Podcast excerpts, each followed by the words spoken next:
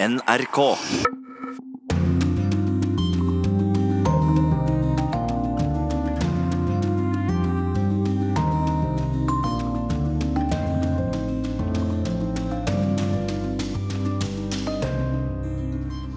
Løgneren Trump.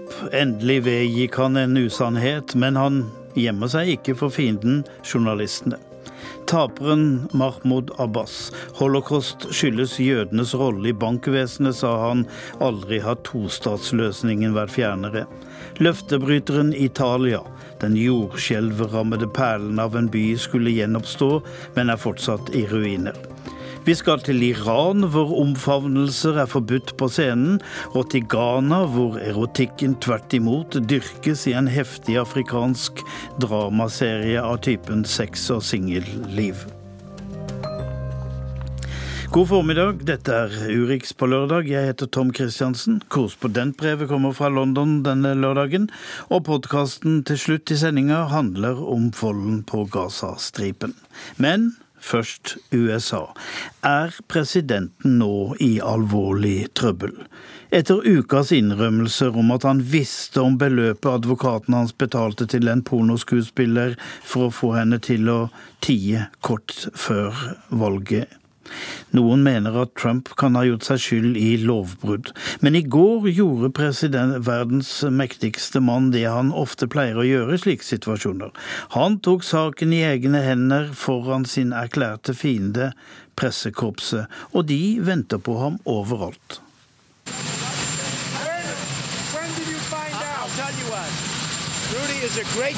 Det er et bråkete sted å holde pressekonferanse. Andre presidenter nøyde seg som regel med å snu seg og vinke til journalistene når de gikk om bord i helikopteret sitt. Men president Trump liker å stoppe i larmen fra motoren og svare gribbene som skriker etter ham. So Rudy knows it's a witch hunt. He started yesterday. Uh, he'll get his facts straight. Rudy vet at dette er en heksejakt, og han begynte jo jobben sin i går.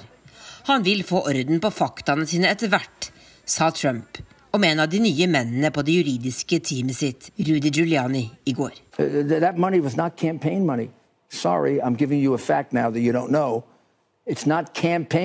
Det var Giuliani som på onsdag sa at Trump visste om den drøye millionen kroner pornoskuespilleren Stormy Daniels fikk av advokaten hans kort tid før valget for ikke å gå til pressen med affæren hun hevder de to hadde hatt. Everybody, everybody was nervous about this from the very beginning. I wasn't.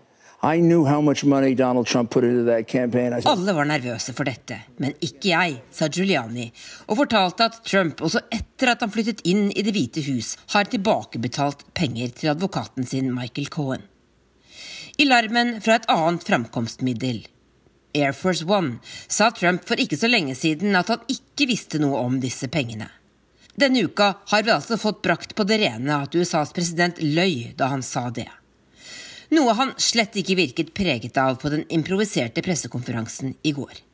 Snarere tvert imot.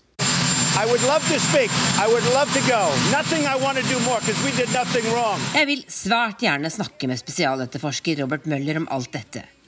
Det er intet jeg heller vil, selv om advokatene mine råder meg fra det. Jeg har ingenting å skjule, sa en opplagt Trump før han bega seg ut i nok en lang beskrivelse av heksejakten han føler seg utsatt for. Avisene her skriver side opp og side ned om hvordan nettet nå snører seg sammen rundt presidenten etter ukas avsløringer. Rudy Giuliani, selv kjent som en fargerik republikansk politiker, skal med avsløringen sin ha forsøkt å bevise at Trump ikke brukte penger fra valgkampkassa til å betale Stormy Daniels. Men kriminalreporter Devlin Barrett i Washington Post mener presidenten likevel kan ha brutt lovverk for kampanjefinansiering. There are other ways in which using non campaign money could still amount to a violation of campaign finance law. And one of those ways is if Michael Cohen essentially paid for something of significant value, $130,000, and he was later compensated for that by the candidate.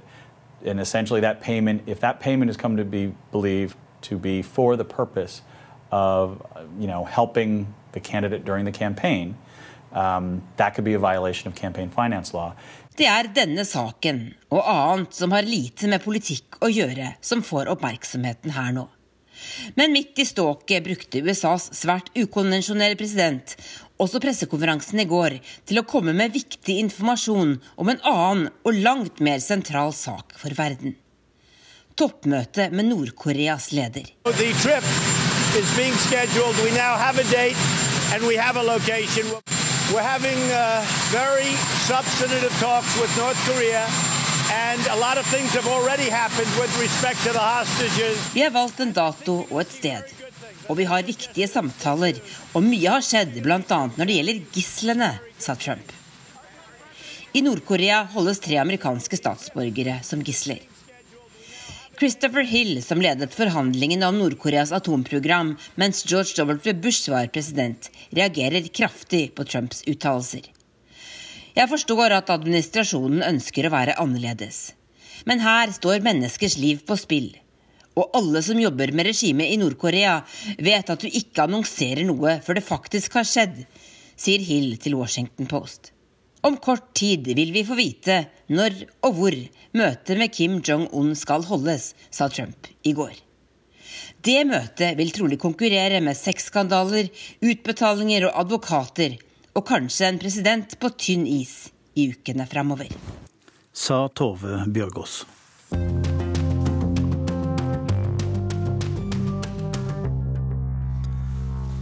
Kanskje husker du jordskjelvet som knuste den italienske landsbyen Amatrice for snart to år siden. 299 mennesker omkom.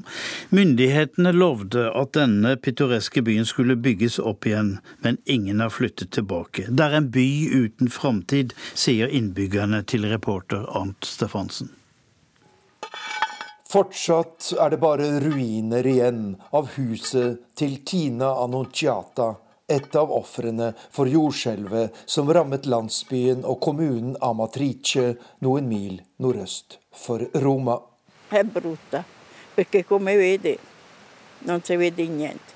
Det er ille. Som du ser har det ikke skjedd noe her hos oss siden jordskjelvet. Området som ble rammet er så stort og ødeleggelsene så enorme at det vil ta veldig lang tid å gjenoppbygge husene, kanskje opptil 30 år, sier hun. Så jeg får nok ikke oppleve det. Jeg kan bare takke Gud for at jeg lever. De som opplevde helvetesnatten i Amatrice den 24. august 2016, er merket for livet. De snakker om dommedag, om noe bare de som opplevde det, kan fatte. Områdene oppe i fjellkjeden Apenninene er et av verdens mest aktive jordskjelvområder, og den nå 100 år gamle Paulina Vargio har opplevd utallige skjelv. Men dette var det verste, sier hun. È stato un, un terremoto che urlava. Capito? Sempre a urla fino che non ha finito. Det var et jordskjelv som brølte. Det var ikke stille slik som de andre. Det var et brøl som kom fra jordens indre, og forferdelige rystelser som slo husene over ende. Jeg var heldig og ble hjulpet ut, men min nabo og hennes lille barn ble begravd og døde. Hvorfor fikk jeg leve, jeg som er så gammel, mens små barn mistet livet, sier Paulina, som fyller 101 år nå i juli. De som opplevde jordskjelvet i Amatrice, bor nå i brakkebyer i området. De har mistet alt, og livet handler om å vente. Den 72 år gamle Giacchino Morri viser oss fire figurer i vakkert pæretre som han selv har laget. De forestiller de fire årstidene, og jeg reddet dem ut av huset mitt etter skjelvet, selv om det var forbudt og livsfarlig å gå inn der, sier han. Il futuro per questa eh, jeg ser ikke lyst på fremtiden.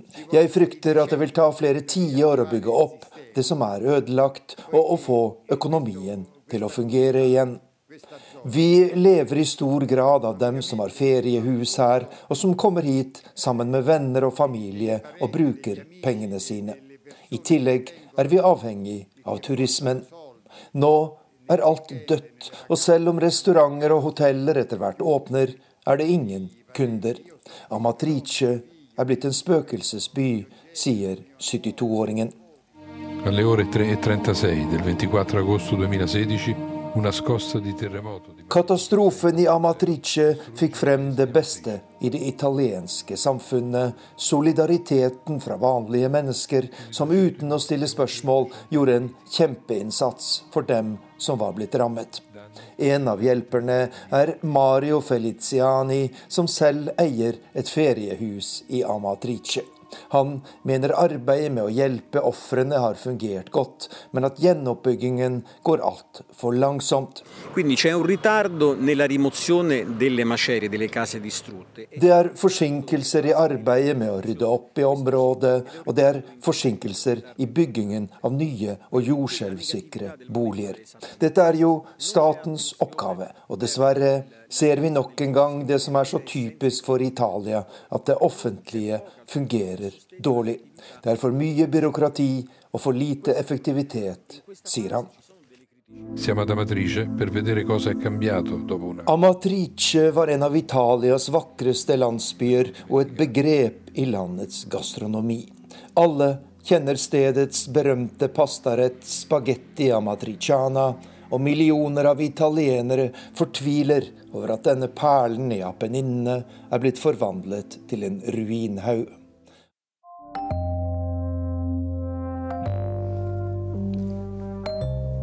President eh, Mahmoud Abbas ble i går gjenvalgt som leder for den palestinske frigjøringsorganisasjonen PLO. Men palestinernes sak står svakere enn på lenge, og Abbas gjorde det ikke enklere for seg ved å si at forfølgelsen av jødene i Europa skjedde som følge av deres sosiale rolle i bankvesenet. Groholm. ليس ليس العداء لليهودية بسبب دينهم وإنما بسبب وظيفتهم الاجتماعية. Fiendskapen mot jøder i Europa skyldes ikke deres jødiskhet, men de sosiale rollene de spilte, bl.a. som pengeutlånere og i bankvesenet, sa palestinernes president Mahmoud Abbas under sin åpningstale i det palestinske nasjonalrådet mandag denne uka. Han gjentok også ting han har sagt tidligere, nemlig at Europa la til rette for jødisk kolonisering av Palestina fordi de ønsket å kvitte seg med jødene. Han viste til at kampanjer for å utrydde jødene ikke fant sted i arabiske land. Reaksjonene fra Israel kom raskt. Statsminister Netanyahu oppfordret det internasjonale samfunn til å fordømme antisemittismen hos Abbas. Tydeligvis er holocaust-fornekteren fortsatt en holocaust-fornekter, tvitret Netanyahu. Han påstår at jødene ble forfulgt, ikke fordi de var jøder, men fordi de utstedte lån med renter, skrev han i en annen tweet. Fordømmelsen av Abbas sitt utsagn kom også fra USA, EU, fra FNs spesialutsending og fra den liberale amerikanske aksjonsgruppa J Street. J Street jobber aktivt for en tostatsløsning og fred med palestinerne. Med et heftig angrep som dette undergraver president Abbas de legitime forhåpningene til det palestinske folk, skriver J Street på sin hjemmeside. Den israelske journalisten Amira Hass skriver i avisen Haaretz at palestinerne er i sin fulle rett til å presentere sin egen versjon av historien om land og folk, ettersom jødenes historie ble tvunget på palestinerne. Men Abbas går i en felle med slike uttalelser, skriver Hass. En felle som overskygger en annen del av hans historiegjennomgang sist mandag nemlig der han konkluderer med at vi ønsker ikke å drive dem, altså jødene, vekk. Vi vil leve sammen med dere med utgangspunkt i to stater.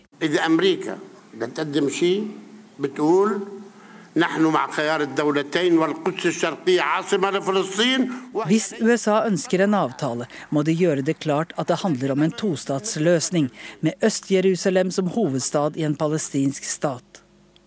Det er kun en slik avtale vi kan akseptere, la Abbas til i sin tale til nasjonalrådet.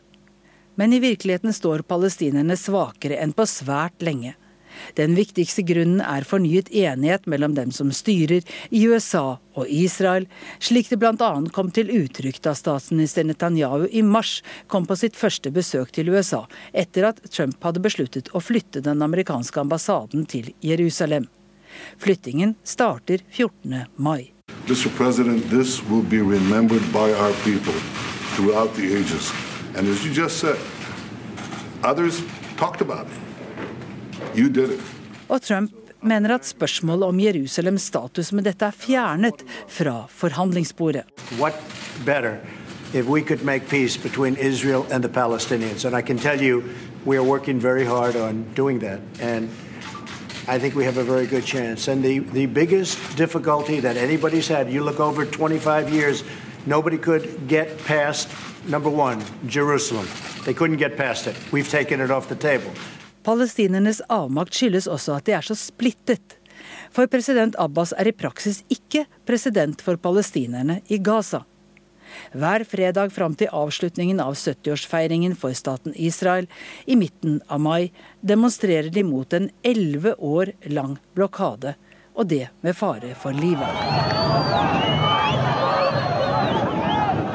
Over 40 palestinere er drept i det de har døpt den store marsjen for å vende tilbake, underforstått til de hjemmene de måtte forlate da staten Israel ble opprettet i 1948. Hamas var ikke representert på møtet i det palestinske nasjonalrådet, og i flere uker nå har offentlig ansatte i Gaza ikke fått utbetalt de lønningene de har krav på fra de palestinske selvstyremyndighetene på Vestbredden. Hamas-leder Ismail Haniye svarer med krav om nyvalg.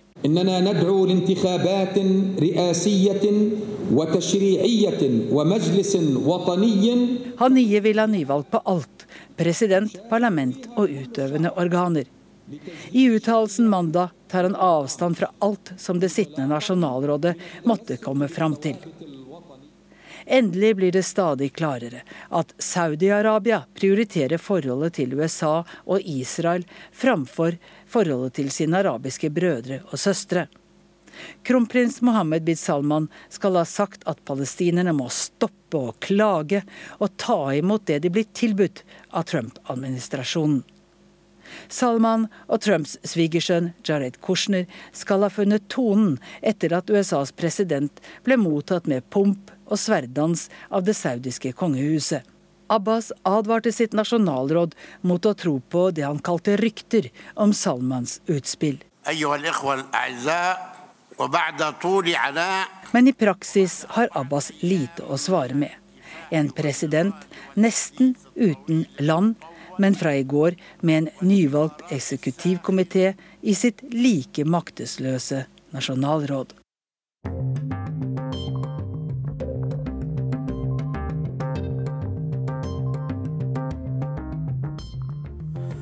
Det blir aldri noen hete omfavnelser på iranske teaterscener. Det har presteskapet bestemt. Så hvordan viser man da kjærlighet mellom to mennesker? Vi løser det på andre måter, sier regissørene, og det skal vi se nærmere på, for Cecil Wold har vært på teaterprøve i Teheran.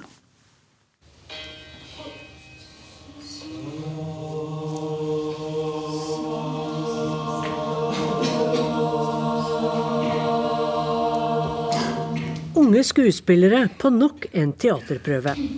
De øver i et hus med to etasjer, der håpefulle kunstnere og musikere holder til et sted i Teheran. Huset er ikke privat, derfor må de følge lovene og påbudene i Den islamske republikken. De ser først ut som en gjeng kunststudenter fra et hvilket som helst vestlig land. De har joggebukser, hettegensere, store T-skjorter og jeans.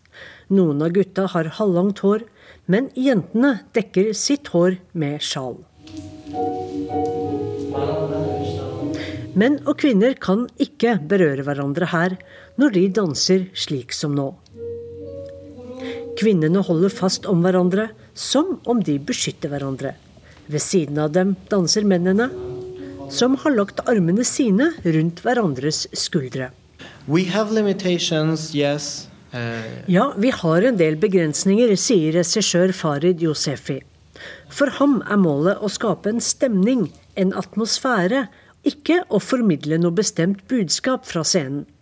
Yes, exactly. Atmospheres. Because in atmospheres we can find each other. Vi mennesker finner hverandre i stemninger, sier han. Og det er lettere å formidle en følelse av tristhet, glede, høystemthet eller melankoli, for mye annet er forbudt på iranske scener. Å ta opp temaer som kvinnesak, politikk og religion er tabu. Og uh, We have problems about how girls can't work in Iran. They can't sing in Iran. Kvinner kan ikke synge solo på scenen, de kan ikke jobbe til sent på kveldene, og vi har heller ikke mye penger, men vi elsker det vi driver med, sier 25 år gamle Saleh Alavisade, som er både skuespiller og regissør. Om de bryter reglene, risikerer de at myndighetene stenger kunstnerhuset deres. if they see us break the rules, the house will be shut down. Yes, but sometimes we break the rules, but they don't see us. ja, om de ser at vi bryter reglene, sier Alavisade, som også er engelsklærer. Å være kunstner i et land med så mange restriksjoner og religiøse lover, det gjør dem kreative. For example, uh, you want to show a scene about two people making love and you can't show even they shake uh, they shake hands you can't show that so what can you do du ønsker å vise at to personer elsker men vi har jo ikke lov til å vise at de håndhilser på hverandre engang så hva gjør vi uh, there are many many many ways i think maybe you have a scene two people come in and it was like thank you for last night that's it vi lar dem si takk for siste natt det holder, sier regissør Saleh Alavisade. Men både moralpolitiet og Ministeriet for kulturell og islamsk veiledning følger med. And they're very, very, very, very sensitive for these things. They're like, You're thanking him for last night? What did he do last night? Blah, blah, blah. You know, uh, really limits us. But it's, it's okay. Men stort sett går det bra. Irans unge generasjon stemte frem den moderate president Hassan Rouhani for andre gang i fjor. Rouhani ønsker å få Iran ut av isolasjonen. Han har lovet bedre økonomi og jobber til de mange unge arbeidsledige i landet. Har så kunstnerne merket noen forskjell? I voted for him. Maybe he made it a little better, but uh, we want him to make it so much better. Jeg stemte på Rohani. Vi har kanskje sett en liten bedring, men jeg håper det blir mye bedre enn nå, sier Saleh. Jeg har ikke sett noen endring, men kan hende andre har merket noe, sier Farid Yosefi.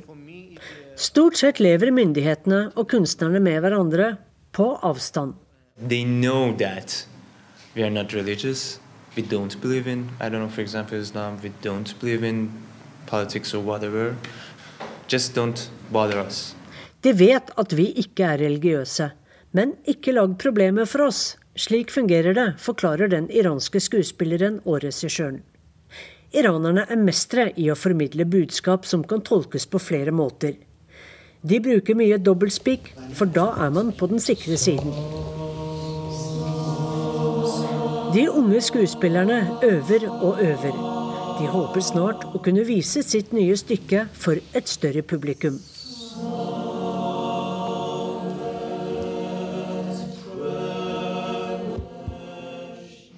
Da er det mer sus i serken i Ghana. TV-serien En afrikansk storby er en afrikansk frodig, pirrende utgave av sex og singelliv. Vi møter fem single venninner i Ghanas hovedstad Accra. De dater, ordner sine karrierer og har sex. Afrikakorrespondent Kristine Presttun har møtt dem. Welcome home. The African continent finally has you back, and just in time for the holidays. Varme omfavnelser, gjensynsgleden er stor. I første episode av serien An African City kommer journalisten Nana Ya hjem til Ghana etter mange år i USA.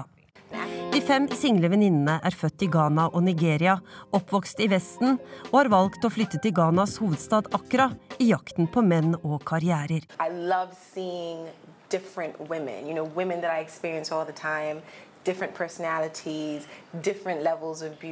Jeg digger at kvinnene er så ulike i typer og personlighet, men også at de alle har forskjellig hudfarge. Denne serien utfordrer de endimensjonale sorte kvinnene vi som ofte ser på lerretet, sier skuespiller Mama Ajay, som spiller en av kvinnene i serien. Hun er lei av at sorte kvinner får roller som tjenestepiker eller fattige husmødre. That is me. I love this already. Vi møter de to kvinnene bak serien i en klesbutikk med lekre klær i fargerike afrikanske mønstre. Valget av sted er ikke tilfeldig. Regissøren er opptatt av å vise fram lokale talenter i serien. wanted an African city to be a platform for all creatives, and that included African fashion designers, the music, African musicians. Her bidrar afrikanske klesdesignere, musikere og interiørdesignere.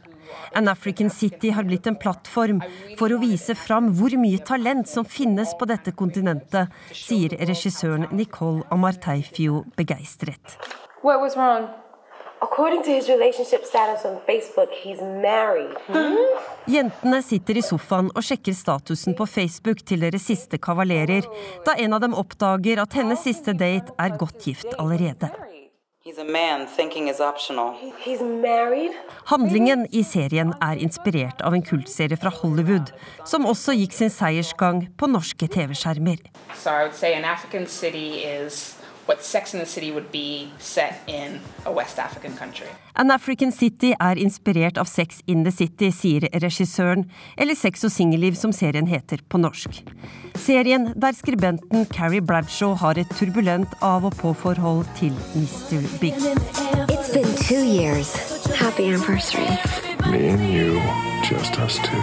And some sex.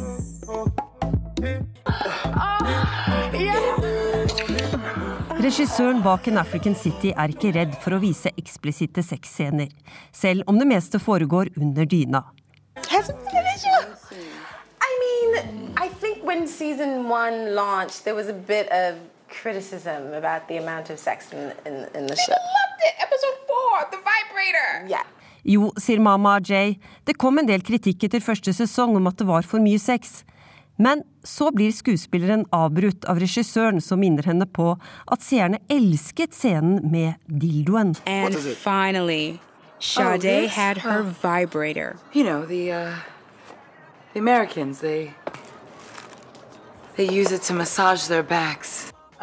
I denne scenen får en av jentene endelig ut en etterlengtet pakke fra tollen. She was holding the People loved it, but there were also people who were like, ah, these African women don't have this much sex. Det var en del som kritiserte oss for å la jentene ha så mye sex, men jeg mener det er falsk konservatisme. Afrikanske kvinner har selvsagt sex, sier skuespiller Mama Ajay, og setter punktum for diskusjonen. We return to the city of our heritage. Storbyen Akra glitrer om natten, og kvinnene tar oss med på bar, golfklubb, forretningsmøter og til bassengkanten. Regissøren er opptatt av å vise seerne en attraktiv storby med et hav av økonomiske muligheter for den som vil opp og fram. Hun har selv bodd i New York og var lei amerikanske mediers dekning av kontinentet. It was always war, poverty, famine. But I Hver gang det var nyheter fra Afrika, var det alltid om krig, fattigdom eller sult, sier Amarteifio, og sier at for henne er kontinentet vakkert og levende, og det var dette hun ønsket å få fram. Og hele serien ligger på YouTube under navnet An African City. Da er det klart for eh, ukas korrespondentbrev. Det kommer fra Øyvind Nyborg i London, og vi skal høre om venstrekjøring. Oh-oh, det var nesten. Jeg hadde kjørt over på feil side av veien. Takket være lav fart og en observant møtende bilist ble det ikke noe front til front denne gangen. Men det manglet ikke på reaksjon på min utradisjonelle kjørestil. Han slo ut med armene som om jeg var verdens største idiot, mens jeg prøvde å tenke ut en unnskyldning dersom han skulle hive seg ut av bilen og konfrontere meg verbalt. Sorry, jeg er fra Norge, skjønner du, og der kjører vi på riktig side av veien. Men jeg tror ikke det ville ha gått helt hjem. På de britiske øyer har folk kjørt på venstre side av veien siden det britiske imperiets tid. Brexit skal gjenreise storhetstiden, og høyrekjøring har aldri vært mindre aktuelt. Det vanligste spørsmålet jeg får fra folk i Norge, er om hvordan jeg takler å kjøre på venstre side av veien. Etter rundt åtte måneder som korrespondent i London, så går det forbausende bra. Den vanen som er mest vond å vende, er at jeg går til feil dør når jeg skal ut og kjøre. Jeg åpner bildøra, bare for å oppdage at rattet jo er på den andre siden av bilen. Er det noen som ser meg, later jeg bare som jeg skal sette fra meg noe. Jeg har rutine på det nå. I Storbritannia og i veldig mange av dets gamle kolonier er det venstrekjøring som gjelder. Irland, Kypros og Malta er de eneste andre landene i Europa som kjører på venstre side.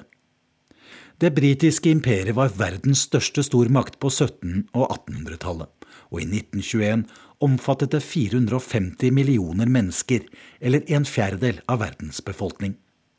Britisk politikk, kultur og språk ble spredt over store deler av verden.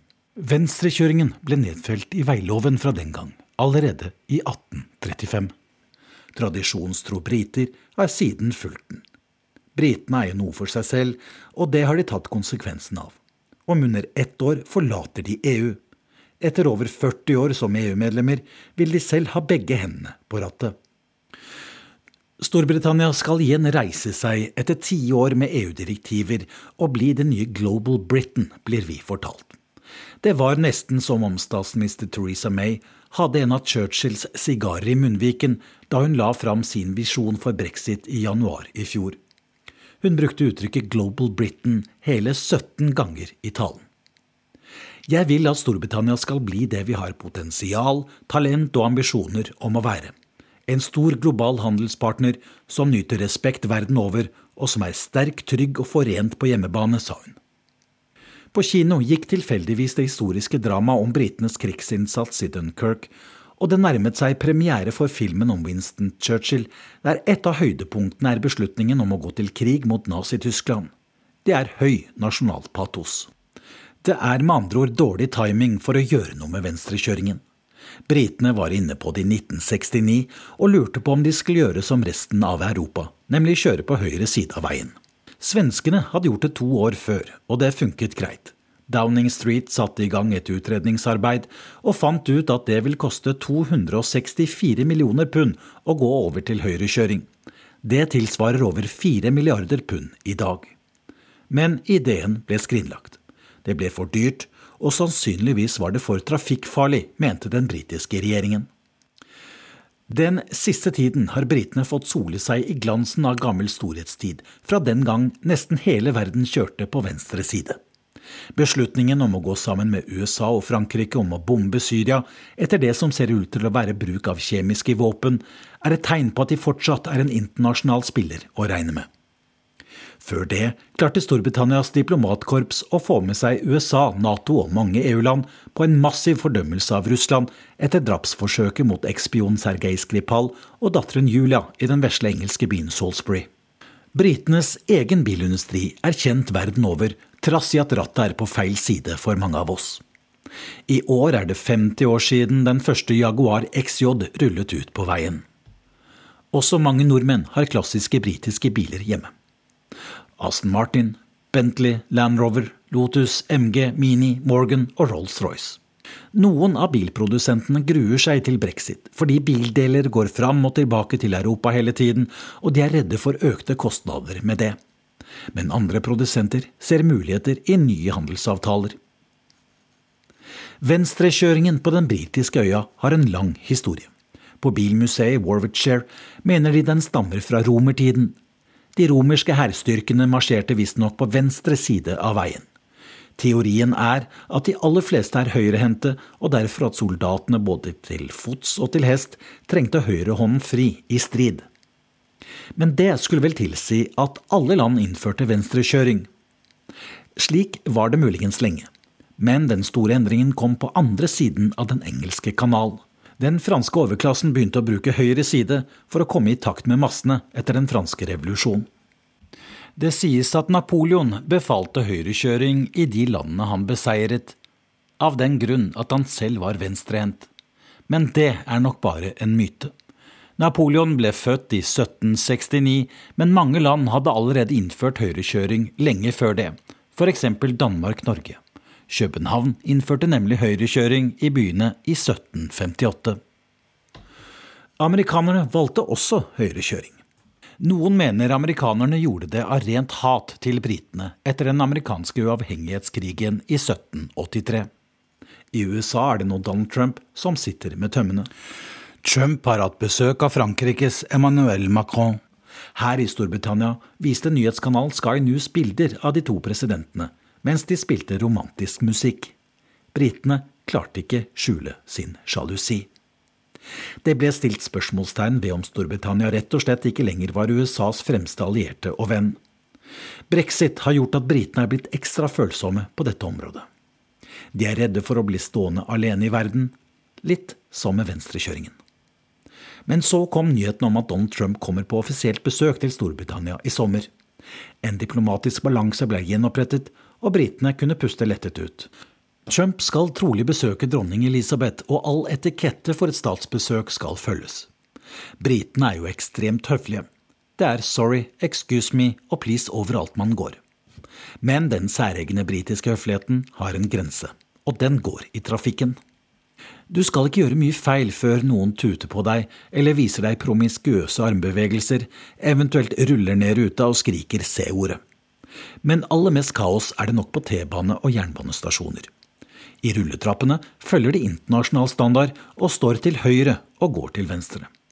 Men i trappeoppgangene og i tunnelene vet de simpelthen ikke hvilken side de skal gå på. Det er fullt anarki, og det fører til køer og frustrasjon. Forvirringen blir også komplett fordi det inne på T-banen står skilt Keep right, altså hold høyre. Britene vet ikke hva de skal tro. Aller minst hva de skal gjøre. Men ute på gaten får de det inn med teskje. Skal du krysse veien, får du klar beskjed ved hjelp av merkingen i gaten. Look left, look right. Look left, look right. Jeg har mange ganger lurt på hvorfor de trenger denne beskjeden, når de til og med har hatt loven om venstrekjøring helt siden 1835. Er venstrekjøring litt unaturlig, selv for tradisjonstro briter? Øyvind Nyborg, London. Og da gjør vi klar for podkasten Krig og fred. Den er laget av Sigurd Folkenberg Mikkelsen, og den handler om Gaza. Fredag etter fredag samles innbyggerne i Gaza for å demonstrere mot Israel ved sikkerhetsgjerdet som går langs grensen. Under en av disse demonstrasjonene tar en norsk fotograf et bilde av en ung palestiner med en slynge i et hav av røyk og flammer. Palestineren har en hettegenser, et enkelt hvitt munnbind og en stein hvilende i slyngen, som han snart skal forsøke å kaste over mot de israelske soldatene på den andre siden. Demonstrasjonene kalles Den store marsjen hjem. Det ble satt uh, fyr på uh, bildekk uh, med masse svart røyk, som du da kunne se på dette bildet. Noe de gjør eh, delvis for å eh, hindre sikten til de israelske soldatene, som ligger bare noen hundre meter eh, unna. Jeg heter Harald Enden. Jeg er fotograf ved VGs utenriksavdeling. Hvis du skal tolke ditt eget bilde, hva tenker du det symboliserer? For meg blir det en litt uh, David mot uh, Goliat-følelse. Når du vet hva som er på andre siden av uh, gjerdet, på baksiden av, av denne røyken. Der de israelske soldatene har gravd opp store sandhauger og etablert posisjoner med snipere på, på disse sandhaugene, bare noen, noen, hundre meter unna.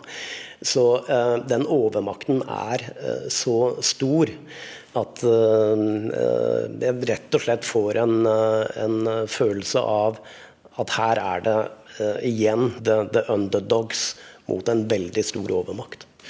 Hvor var du da du tok det bildet?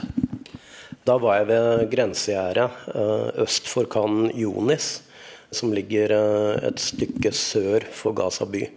Som er ett av de fem stedene langs grensegjerdet det nå er protester i forbindelse med The Great March of Return, som de kaller det. Og eh, Hvordan vil du beskrive omstendighetene rundt dette bildet? Før vi dro ned dit, så sjekket vi ut flere av disse fem stedene for å se hvor det ville være tryggest å, å arbeide. Før vi dro ned, så var det jo én fotograf som var, var, skutt og drept, og en annen som var såret med live ammunition, begge skutt i magen. Så vi sjekket ut hvordan det fysisk så ut på, på disse stedene. Og Kanjones var det stedet der det var kortest avstand mellom gjerdet og sandvoller lengre bak.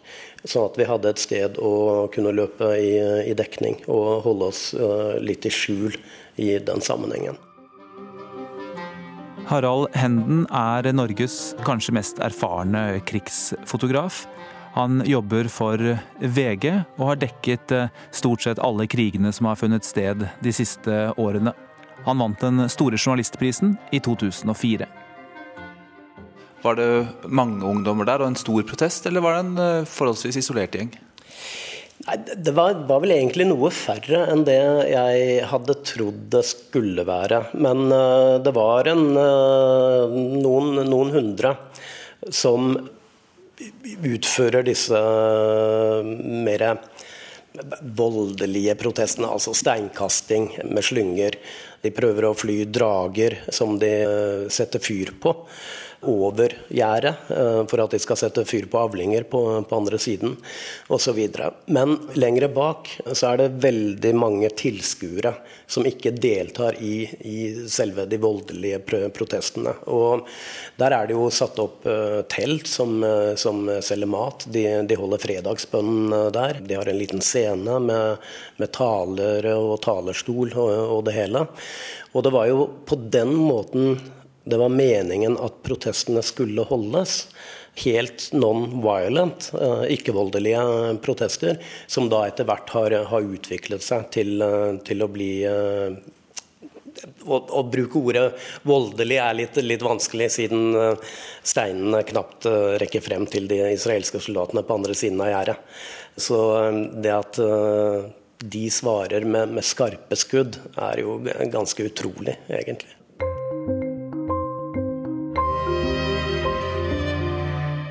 So it is by no means a peaceful demonstration. It is a riot using violent means. The purpose of this riot, as per what Hamas is saying, the organizing organization, what they're saying is that they want to erase the border, they want to penetrate into Israel.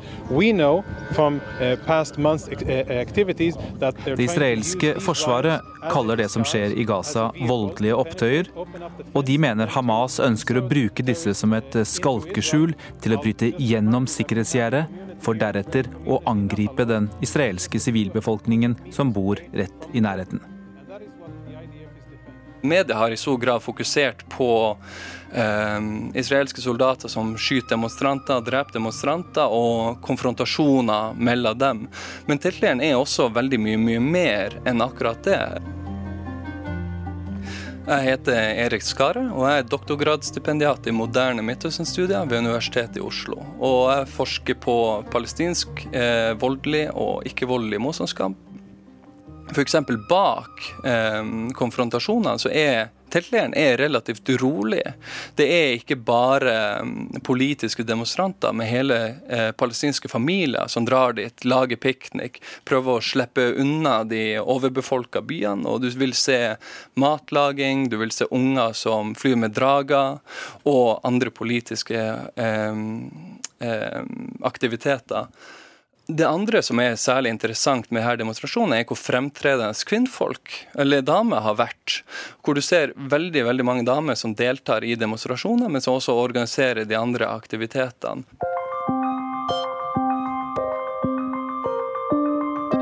Jeg tror at de her teltleirene i stor grad handler om å være bevisst på egen tilhørighet, egen historie og egen identitet. Og de her, denne teltleiren er særlig symbolsk viktig fordi at den palestinske befolkningen Gazastripa er fanga bak en blokade i et år hvor Israel skal feire 70 år som egen stat. Og på sett og vis så vil ta eh, denne teltleiren og de protestene, forsøkene på å bryte gjennom grensa, er, kan tolkes som et rop mot israelerne at om dere liker det eller ikke, så er vi her. Og dere kommer ikke til å glemme at vi er her. Hvor stort er dette området? Gaza regnes som å være like stort som Hamar kommune, og har eh, rundt 1,7 millioner innbyggere, og to tredjedeler av dem er flyktninger. De fleste av de som er flyktninger i Gaza i dag, kommer fra geografisk nærliggende områder. Mange av de som er flyktninger i dag, kom fra Jaffa, Tel Aviv-området, Negev-ørken. Og det var rett og slett det nærmeste som var. Dermed sagt så er det mange av flyktninger som kom i to bølger. Første var i 1948, i etablering av staten Israel. Og det som var en de facto etnisk rensing av 750 000 palestinere. Noen av dem flykta til Gaza, andre til Vestbredden, Jordan, Syria og så Libanon. Disse demonstrasjonene begynte 30. mars og skal etter planen slutte 15. mai. Begge disse datoene er symbolske for palestinerne. 30. mars er det de kaller landdagen. 15. mai er det de kaller nakba, eller katastrofen på arabisk. Dette sammenfaller mer eller mindre med opprettelsen av staten Israel. Og De kaller altså disse demonstrasjonene for Den store marsjen hjem, og hjem er i dagens Israel. De begrunner eh, sine krav i FNs sikkerhetsrådsresolusjon 194. Vi er altså ved noe av kjernen i den israelsk-palestinske konflikten. Nettopp det at så mange av befolkningen der er flyktninger, eh, hvordan setter det sitt preg på, eh, på Gaza? Det setter enormt preg på Gaza. Én ting er selvfølgelig de økonomiske forholdene i flyktningleirer og Gazastripa generelt, men det er også eh, den man kan si det, en permanente situasjon av midlertidighet. De tilhører ikke Gaza. De er sterkt bevisst på at de skal vende tilbake til de landsbyene som enten er jevna med jorda, eller hvor israelere har tatt over. Det er en situasjon av venting.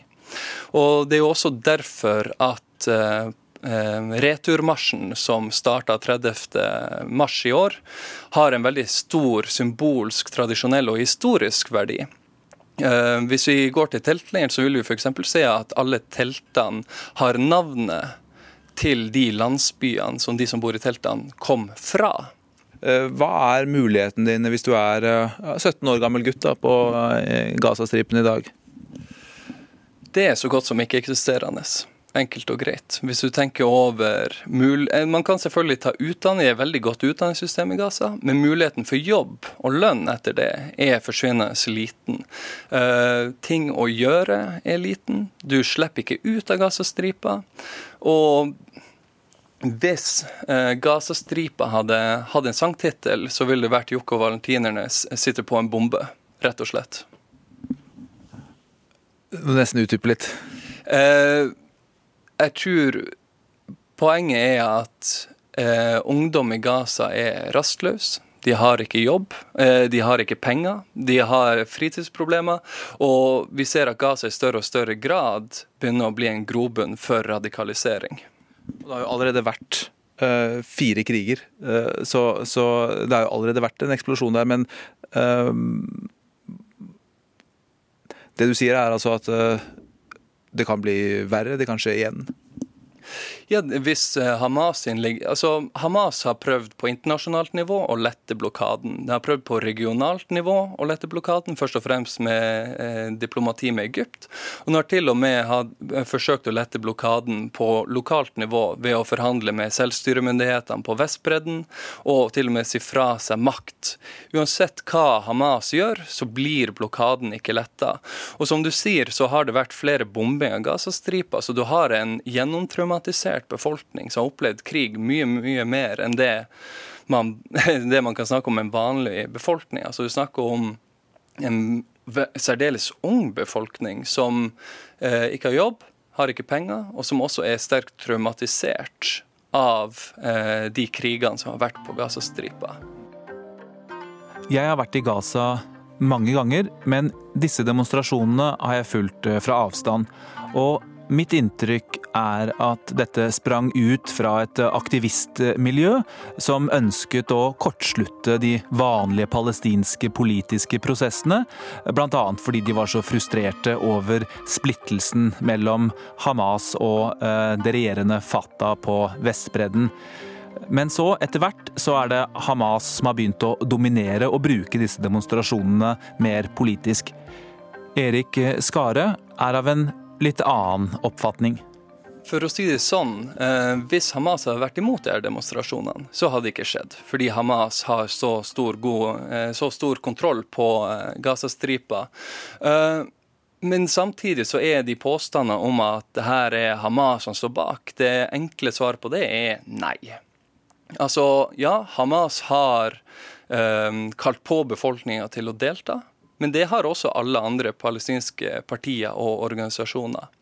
Ja, Ismail Haniyeh, lederen for eh, Hamas, har vært og besøkt teltleiren og holdt tale. Det samme har Yahya Sinwar, som er lederen for Hamas i Gaza. Men det har også ledere for andre palestinske eh, organisasjoner og partier eh, gjort. Det har også ledere for klaner i Gazastripa gjort. Fagforeningsledere har gjort det. Og eh, det vi ser, er at det er tverrpolitisk. Det er lite som tyder på at det er faktisk Hamas som står bak det her. I og med at de utbetaler en forsikringssum hvis man blir skadet, også til martyrfamiliene, så tar de vel på en eller annen måte, eller i hvert fall ønsker å, for, å ta et grep og sette sitt preg i hvert fall på disse demonstrasjonene? Ja, ja. Det er ingen tvil om uh, akkurat det. Og Hamas spiller en rolle i det her. Men uh, det er noe overdrevent ved det når, man, når forskjellige kommentatorer prøver å fremstille det her som at Hamas står bak. Det her er en Hamas-arrangement. Det her er en Hamas-teltleir. For det er det definitivt ikke. Men at Hamas har en rolle i det, det er det selvfølgelig ingen tvil om. Det må det nødvendigvis med tanke på hvor stort eh, bevegelsen faktisk er i Gazastripa, og at det er styrende organ. Det er uunngåelig.